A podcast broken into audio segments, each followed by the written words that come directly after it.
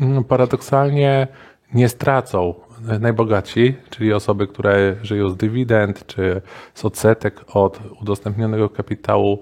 Mówi się, że wielkie korporacje też nie stracą. Najbardziej straci klasa średnia.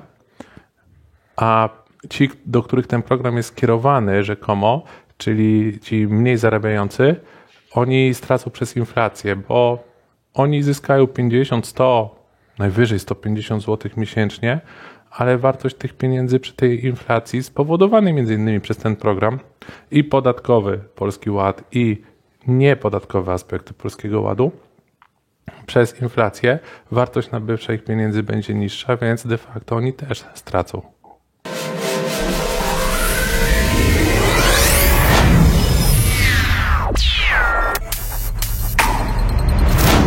Mecenasem kanału jest Mennica Skarbowa SA, lider polskiego rynku złota oraz platforma do tokenizacji Mozaiko. Nowa definicja inwestycji. Jacek Jakubiuk, witam na kanale Finansowy Preppers. Dzisiaj moim gościem jest Marek Golec, autor książki Jak oszczędzić na podatkach i nie podpaść fiskusowi. Bo to bardzo ważne, żeby nie podpaść. To radca podatkowy, współwłaściciel kancelarii księgowo-podatkowej y, i autor bloga Mistrzpodatków.pl Dzięki. Tyle rzeczy robisz y, na nas związanych z podatkami, że y, zaczynam się gubić. Nowy Ład, y, nowy Polski Ład, czy różnie to, czy Nowy Wał, różnie to ludzie nazywają. On dosyć mocno namieszał w, w Polsce. Dużo przedsiębiorców się zastanawia, co ma, co ma z tym zrobić. Ty, pisząc książkę, już jakby ująłeś wie, chyba wszystkie aspekty, które się zmieniły, już jest aktualna ta książka. Powiedz, jaka jest taka największa bolączka przedsiębiorców związana z tymi nowymi przepisami? Mhm. Największą bolączką oczywiście jest nieodliczalna składka zdrowotna, e, która de facto jest podatkiem. Do tej pory można było znaczną jej część odliczać od podatku dochodowego. Teraz tego nie można robić. Dlatego osoby, które rozliczają się na podatku liniowym, płacą de facto 23,9% PIT plus składka zdrowotna, ale do tego jeszcze dochodzą ubezpieczenia społeczne, więc efektywny podatek u liniowca tylko na pierwszym poziomie opodatkowania uwzględniający podatki dochodowe i ZUS to często około 30%. Razem z moim wspólnikiem Grzegorzem Grabowskim stworzyliśmy autorski kalkulator Polskiego Ładu, autorski, czyli e, wynajmisz.pl i mistrz.podatków.pl, w którym można sobie policzyć, ile wynosi efektywny podatek przy prowadzeniu działalności gospodarczej, czy to opodatkowanej e, według skali podatkowej, według podatku liniowego, ryczałtem, jak również prowadząc spółkę ZO w sposób klasyczny, będącą na estońskim CIT-ie, jak również ile wyniesie efektywny podatek przy prowadzeniu spółki komandytowej z opcją bycia komplementariuszem, jak i komandytowo-akcyjnej. Więc na blogu mistrzpodatków.pl jak najbardziej taki kalkulator możecie sobie pobrać i policzyć, która opcja dla Was będzie najlepsza w Polskim Ładzie. Okej. Okay. Czy... Bo ja mam ten polski ład, y, pokładam taką nadzieję, że w końcu ludzie zobaczą różnicę w wypłacie i to znaczną i się zaczną zastanawiać, że jednak oni jakieś podatki płacą, bo e, przeważnie pracownikowi takiemu etatowemu kojarzy się, że jest jakaś tam brutto, jest netto i w zasadzie on podatków bardzo nie płaci, bo to pracodawca płaci. E, jak to wpłynie na pracowników takich e, etatowych? Mhm. To zależy, ile kto zarabia, natomiast już na początku stycznia z powodów tych PIT-2 niektóre grupy otrzymały niższe wynagrodzenia.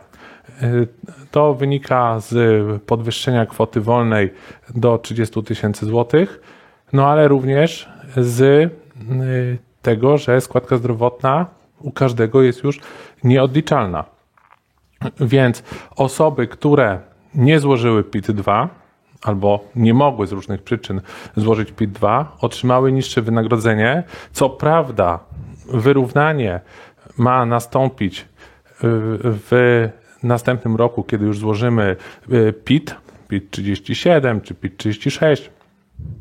Natomiast w dobie tej galopującej inflacji te pieniądze, nawet jak otrzymają wyrównanie, one będą już y, mniej warte.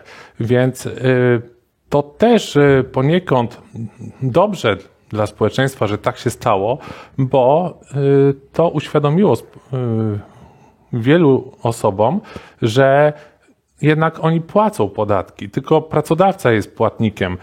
I de facto, mm, jak podrążymy dalej, i w książce to jest w pierwszym rozdziale już napisane, efektywny podatek, tylko uwzględniający podatek dochodowy i ZUS, bo nie mówię o kolejnych poziomach opodatkowania, czyli y, podatkami obrotowymi czy majątkowymi, efektywny podatek pracownika to 40%, bo jest kwota netto, którą pracownik otrzymuje na rękę, kwota brutto, którą widzi na umowie i koszt pracodawcy. Koszt pracodawcy to jest kwota brutto powiększona o składki ZUS, które obciążają pracodawcę.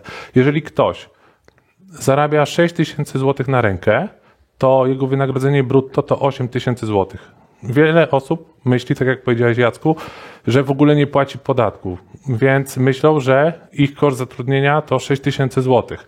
Natomiast niektórzy są świadomi kwoty brutto i uważają, że ich koszt zatrudnienia to 8 tysięcy, ale tak nie jest. Ich koszt zatrudnienia to 10 tysięcy ze względu na te składki, które obciążają pracodawcę. Więc efektywny podatek, czyli jakby, jakby pracownik otrzymywał 100% swojego wynagrodzenia i musiał 40% samemu odprowadzić do Urzędu Skarbowego, nie robiłby to pracodawca w, w roli płatnika, to ta świadomość społeczna byłaby jeszcze większa niż po tym zamieszaniu z PIT-ami 2 na temat podatków. Natomiast to, co jest pozytywne też, w Polsce świadomość y, finansowa i podatkowa dzięki Polskiemu Ładowi bardzo wzrosła. Bardzo dużo ludzi zainteresowało się finansami osobistymi, jak i podatkami. Ja też chciałem pomóc ludziom poukładać podatki w jedną całość i właśnie dlatego napisałem książkę w taki sposób, żeby w tę jedną całość podatki poukładać. My też mówiliśmy o tym y, w jednym z odcinków, y, może rok albo nawet więcej temu, y, ile tak naprawdę faktycznie tego podatku płacimy. Czy jesteśmy etatowcem y, i mówiliśmy o tych innych poziomach opodatkowania, więc jeżeli Was to interesuje, chcecie się dowiedzieć, ile tak naprawdę pracujecie na państwo, a, a ile dla siebie, to y, zachęcam do przejrzenia odcinków z Markiem wcześniej. A jakby wracając do tych nowości, które nas spotkały, bo tak jak powiedziałeś o inflacji. Inflacja to jest spadek wartości pieniądza i jeżeli odkładamy pewne rzeczy, które mają nam wrócić z urzędu skarbowego y, i one wrócą w y, postaci mniejszej siły nabywczej, czyli będziemy mogli mniej za to kupić, to, y, to też jest y, taki taka retoryka rządu, że walczymy z inflacją, obniżając te podatki. E, I chciałem się zapytać Ciebie, czy faktycznie tak to wygląda, że jeżeli e, obniżamy VAT na paliwo, to czy faktycznie te łańcuchy dostaw będą kosztować mniej przedsiębiorców i to będzie powodowało, że wszystkie produkty są tańsze i e, będziemy zapobiegać wzrostowi ceny poprzez zmniejszenie opodatkowania, na przykład poprzez obniżenie VAT-u. To trzeba się przyjrzeć, jak działa VAT. Mamy ten łańcuch dostaw wspomniany przez Ciebie, czyli producent, hurtownik, detalista i konsument. Konsument jest na samym końcu. Założenie VAT-u jest takie, żeby ten podatek obciążał właśnie konsumenta, tego na końcu łańcucha dostaw. Więc jeżeli producent coś produkuje, nawet jak dolicza VAT, to on porozumiewa się z hurtownikiem w taki sposób, że wycenia swój towar w kwocie netto. Przerzuca VAT na hurtownika. Hurtownik sobie odlicza. Więc ten VAT jest neutralny. To jest zasada neutralności VAT-u aż do konsumenta. Czyli, czyli jakby podsumowując to w skrócie, jeżeli jadę do cioci na imieniny poza Warszawę, to mogę sobie taniej kupić paliwo, bo dla mnie jako dla y, przeciętnego, jakby dla finalnego konsumenta ten VAT jest niższy. A wszyscy przedsiębiorcy w całym łańcuchu dostaw obniża, znaczy dla nich to jest neutralne, więc to nie powinno wpłynąć na inflację. Tak? Nie, bo oni bazują na cenach netto. Więc jeżeli mm, producent coś produkuje za 10 tysięcy złotych, dolicza VAT 2300. Hurtownik go sobie odlicza. Następnie hurtownik z jakąś marżą sprzedaje ten towar, dolicza VAT. Detalista go sobie odlicza. I potem detalista, sprzedając konsumentowi, też ten VAT nalicza, ale konsument już go sobie nie odliczy. Więc jak obniżamy VAT, to nieważne, czy on wynosi 23 czy 8% w przypadku przedsiębiorców, oni, o ile nie są zwolnieni z VAT, ale rozmawiamy o czynnych podatnikach VAT, oni sobie ten VAT odliczą, niezależnie czy on wynosi 23 czy 8%. Więc on jest dla nich neutralny. Jeżeli na przykład przedsiębiorca ma doliczyć do 10 tysięcy 23% VAT-u, ok, doliczy, doliczy 23%, czyli 2300 zł. Tyle ma do odprowadzenia do Urzędu Skarbowego. Jak doliczy, jak obniżą VAT z 23 na 8%, to doliczy 8%, czyli 800 zł. Ten, który od niego kupuje, załóżmy, że ma 5000 VAT-u do zapłaty. Jeżeli kupi przy stawce 23% odliczy 2300 zł, czyli 5000 minus 2300 tyle odprowadzi do urzędu skarbowego. Jeżeli kupi taniej, bo zapłaci 800 zł tylko VAT-u, to odliczy sobie mniej VAT-u i więcej odprowadzi do urzędu skarbowego. Czyli wyjdzie dokładnie na to samo. Wynik będzie taki sam, ale konsument, konsument rzeczywiście, jak pojedzie na stację benzynową, to zapłaci taniej. Ale w związku z tym, że przedsiębiorcy nie odczują obniżki, a ceny gazu, ceny energii cały czas rosną, jeżeli będą nadal rosły, to to nie zatrzyma taka obniżka VAT, która dotyka de facto konsumentów, czy wpływa korzystnie na konsumentów, ona może nie zatrzymać tej inflacji. Mhm. Yy, przykład następny piekarni, czy jakichś sklepów spożywczych, bo tam też yy, jest plan wprowadzenia obniżki VAT-u na produkty spożywcze. Czy on będzie miał takie same konsekwencje? To też łańcuch dostaw yy, w ogóle nie odczuje tej obniżki. Odczuje konsument, mhm. który przychodzi do piekarni. Ciekawe, czy piekarnie obniżą ceny na półkach. Mhm. Czy jednak. Cieka ciekawe, czy z innej strony nie będzie uderzenia. I to w zasadzie jest fajny dylemat. Yy, I chciałbym, żeby widzowie się wypowiedzieli, jak myślą, jak to się skończy, bo yy, piekarz może wytwarzać, yy, znaczy sprzedawać bułki detalistom taniej, yy, konsumentom taniej, ale na przykład może mu podskoczyć y, ceny gazu albo ceny energii, które będą wpływały na koszty produkcji. Druga rzecz, y, konsumentom zostanie w portfelu więcej kieszeni, więc będą mogli kupić więcej tych bułek w ciągu miesiąca, co jakby będzie y, przekładało się, że rynek będzie potrzebował więcej niż może być w stanie wyprodukować piekarz. To mieliśmy samo z łańcuchami dostaw. Jeżeli łańcuchy dostaw się zatrzymują i produktów nie ma, to ich cena skacze do góry. Więc czy to mamy trzy opcje. Albo to nic nie zmieni, albo y, obniży to nam y, ceny produktów, albo podwyższy. Ja jestem ciekawy, jak, co wy o tym myślicie, bo robi się bardzo, bardzo fajne zagadnienie. Ja myślę, że nie zatrzymamy inflacji, wręcz ją podkręcimy, ale mogę się mylić. Co, co jeszcze jest takiego ciekawego w Polskim Ładzie? Słyszałem, że remamenty i amortyzacja też się troszeczkę zmieni. Jak, jak, to, jak to wygląda i jakie to ma konsekwencje y, dla nas, przedsiębiorców, bądź dla konsumentów? Rzeczywiście nowy wiceminister w Ministerstwie Finansów y, zapowiadał, że to się ma zmienić. Póki co jeszcze y, te zmiany nie weszły w życie, ale zapowiedzi były takie, że Y, ogólne, że do poprawy są remanenty i amortyzacja. Zacznijmy od remanentów. Y, w książce też jest rozdział, mm, jak legalnie obniżyć zaliczki na podatek dochodowy. I na ten moment jeszcze nie wiadomo, y, czy różnice remanentowe, które są jednym sposobem na fajne obniżenie i legalne na dodatek, zaliczek na podatek dochodowych w przypadku tych podatników, którzy rozliczają się na podatkowej księdze przychodów i rozchodów. Nie wiadomo jeszcze, czy y, te różnice remanentowe mają być uwzględniane w podstawie wymiaru składki na ubezpieczenie zdrowotne. Gdyby nie były, to by było skrajnie niekorzystne. dotyczy to zarówno tych, którzy prowadzą sklep osiedlowy, jak i tych, którzy na przykład handlują nieruchomościami.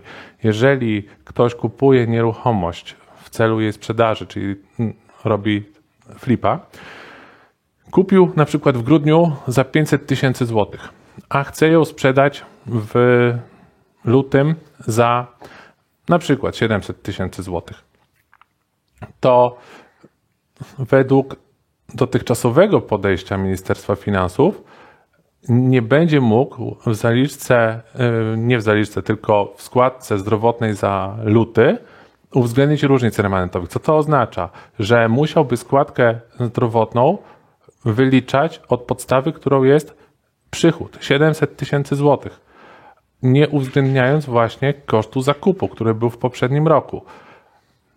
Nie jest to, nie jest to y, sprawiedliwe na pewno. Mm, jest to bardzo y, krzywdzące dla takich przedsiębiorców, bo przecież oni powinni móc zapłacić składkę zdrowotną od różnicy, y, czyli od 200 tysięcy złotych, jeżeli się rozliczają podatkiem liniowym czy według skali podatkowej. Zazwyczaj podatkiem liniowym tacy fliperzy, którzy jeszcze rozliczają się przez działalność gospodarczą, się rozliczają, natomiast jeżeli chodzi o flipy, to korzystniejsza jest już spółka ZO ze względu na to, że tam jest 9% CIT.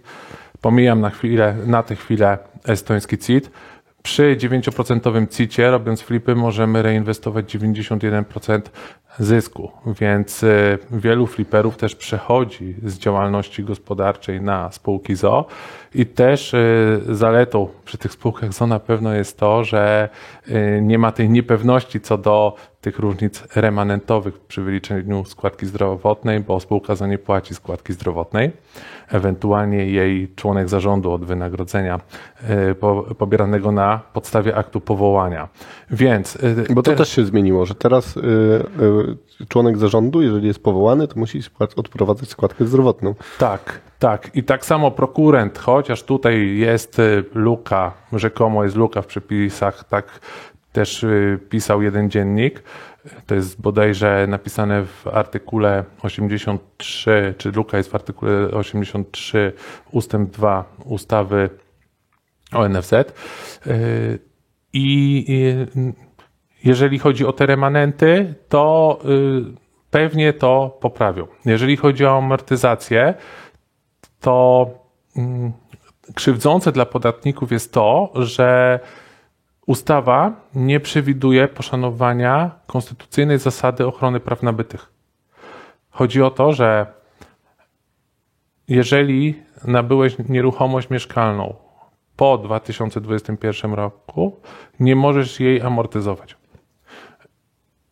Jeszcze przepis pozwala na amortyzowanie nieruchomości mieszkalnych w 2022 roku.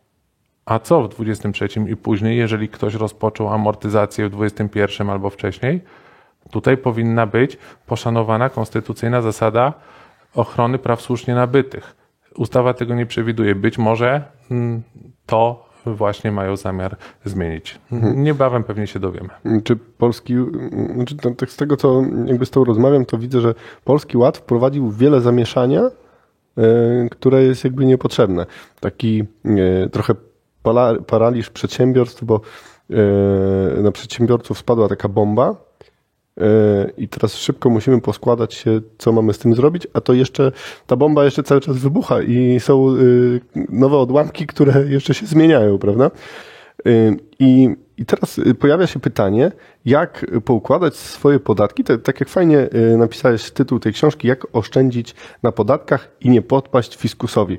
Bo jeżeli mamy jasne przepi niejasne przepisy, albo takie, które się często zmieniają, bardzo łatwo jest się podłożyć dla e, fiskusa, który jak historia pokazuje nawet pana Romana Kluska, mhm. którego też zapraszaliśmy e, do wywiadu, potrafi fiskus rozłożyć e, jego firmę na, na części pierwsze, prawda? Rzeczywiście prawo jest, prawo podatkowe jest bardzo skomplikowane. Ja starałem się w książce najprostszym językiem pokazać, jak ono funkcjonuje z punktu widzenia przedsiębiorcy, który prowadzi albo jednoosobową działalność gospodarczą, albo jakąś spółkę z naciskiem na spółki ZO. Przede wszystkim, żeby, żeby czuć się bezpiecznie, na początku trzeba zrozumieć zasady gry. Trzeba postępować zgodnie z prawem i trzeba uważać na klauzulę przeciwko unikaniu opodatkowania. Chodzi tutaj głównie o sztuczność, o pozorność. Jeżeli poznamy te podstawy, te zasady, to możemy zacząć już się czuć w miarę bezpiecznie. I potem należy zrozumieć, jak działa jednoosobowa działalność gospodarcza, jak działają różnego rodzaju spółki, jak działa interakcja wspólnika z y, różnymi spółkami, z naciskiem tutaj na spółkę ZO. Są też oczywiście bardzo atrakcyjne przepisy dla spółek komandytowych i komandytowo-akcyjnych ze względu na odliczenie części CIT przypadającego na komplementariusza od podatku od dywidendy. Tylko teraz jest pytanie, czy ten przepis się długo utrzyma i czy takie przekształcanie się z jednoosobowych działalności gospodarczych czy spółek ZO na spółki komandytowe akcyjne nie będzie przez fiskusa potraktowane jako właśnie obejście prawa. Moim zdaniem lepiej jest budować taką strukturę biznesową na lata, żeby co rok nie zastanawiać się, jaką formę działalności wybrać, w jaką formę się przekształcić, tylko płacić może nie całkiem najniższe podatki, jak to możliwe, ale akceptowalne, oczywiście zgodnie z prawem i koncentrować się na rozwijaniu biznesu. Mhm. Ja bardzo chciałbym spopularyzować wiedzę dotyczącą podatków, bo moim zdaniem to jest temat, który, tak jak to powiedział jeden z prezydentów Stanów Zjednoczonych, że y, pewne to jest tylko śmierć i podatki i tak naprawdę to dotyczy każdego. Druga rzecz to jest taka, że te przepisy nam bardzo mocno jakby zmieniają rzeczywistość i bardzo, bardzo mocno wpływają na to, co się dzieje jak y, zachęcić w prosty sposób takiego zwykłego y, człowieka, żeby zainteresował się swoimi, y, swoimi podatkami. I zaczął właśnie oszczędzać i, i nie podkładać się fiskusowi. Nie robił jakichś takich um, agresywnych zagrań, które mogą na niego źle wpłynąć. Od zdobywania wiedzy, żeby zaczął. Oglądając takie odcinki jak ten, czy wiele innych różnych materiałów jest, też napisałem z myślą o takich osobach książkę, żeby od podstaw pokazać aktualnym i przyszłym przedsiębiorcom, jak działa system podatkowy, jak prowadzić z punktu widzenia podatkowego jednoosobową działalność gospodarczą, jak i różnego rodzaju spółki. Książka jest tak poukładana, że na początku jest wstęp do podatków, później y, jest pokazane, jakie korzyści, o ile lepiej ma przedsiębiorca w stosunku do pracownika etatowego. Następnie jest rozdział o tym, jak, y, co wybrać, czy działalność, czy spółkę. I tutaj pokazuję pod różnymi kątami różnicę między działalnością a spółką. Później jest rozdział dotyczący działalności gospodarczej, jaką formę opłatkowania wybrać, a później takie, które dotyczą zarówno osób prowadzących działalności, jak i spółki, a na końcu już są trzy rozdziały dotyczące spółek. Skoro ten polski ład jest taki świetny w słowach rządzących, a oczami doradcy podatkowego jest taki y, pesymistyczny, to kto tak naprawdę zarobi na polskim ładzie, a kto straci? No, paradoksalnie nie stracą najbogatsi, czyli osoby, które żyją z dywidend czy z odsetek od udostępnionego kapitału. Mówi się, że wielkie korporacje też nie stracą. Najbardziej straci klasa średnia. A ci, do których ten program jest skierowany rzekomo, czyli ci mniej zarabiający, oni stracą przez inflację, bo oni zyskają 50, 100, najwyżej 150 zł miesięcznie, ale wartość tych pieniędzy przy tej inflacji spowodowanej innymi przez ten program i podatkowy Polski Ład i niepodatkowe aspekty Polskiego Ładu przez inflację wartość nabywcza ich pieniędzy będzie niższa, więc de facto oni też stracą. Na koniec programu mamy zawsze taką tradycję, że każdy z gości ma złotą myśl dla naszych finansowych repersów. Kamera jest twoja, zapraszam. Zacznijcie od zdobywania wiedzy na temat podatków. Niech te podatki ułożą Wam się w jedną całość, żebyście mogli rozsądnie je planować. Jeżeli chcecie, możecie przeczytać moją książkę. Napisałem ją z myślą o aktualnych i przyszłych przedsiębiorcach. A jeżeli nie lubicie czytać, wolicie oglądać, to y, zrzucimy w link też w opisie całą serię z Markiem i tam y, w prosty sposób staramy wam, do Was się do, dotrzeć z informacją, jak wyglądają podatki i jak się optymalizować, żeby nie podpaść fiskusowi. Dziękuję Wam bardzo za dziś. Dajcie komentarz, co myślicie o konsekwencjach tych obniżek VAT-u e, albo na jakiś inny temat, na który zwróciliście uwagę. E, Dajcie łapkę w górę, jeżeli Wam się podobało subskrypcję i zapraszam do grupy na Facebooku. Dziękuję Wam bardzo. Cześć.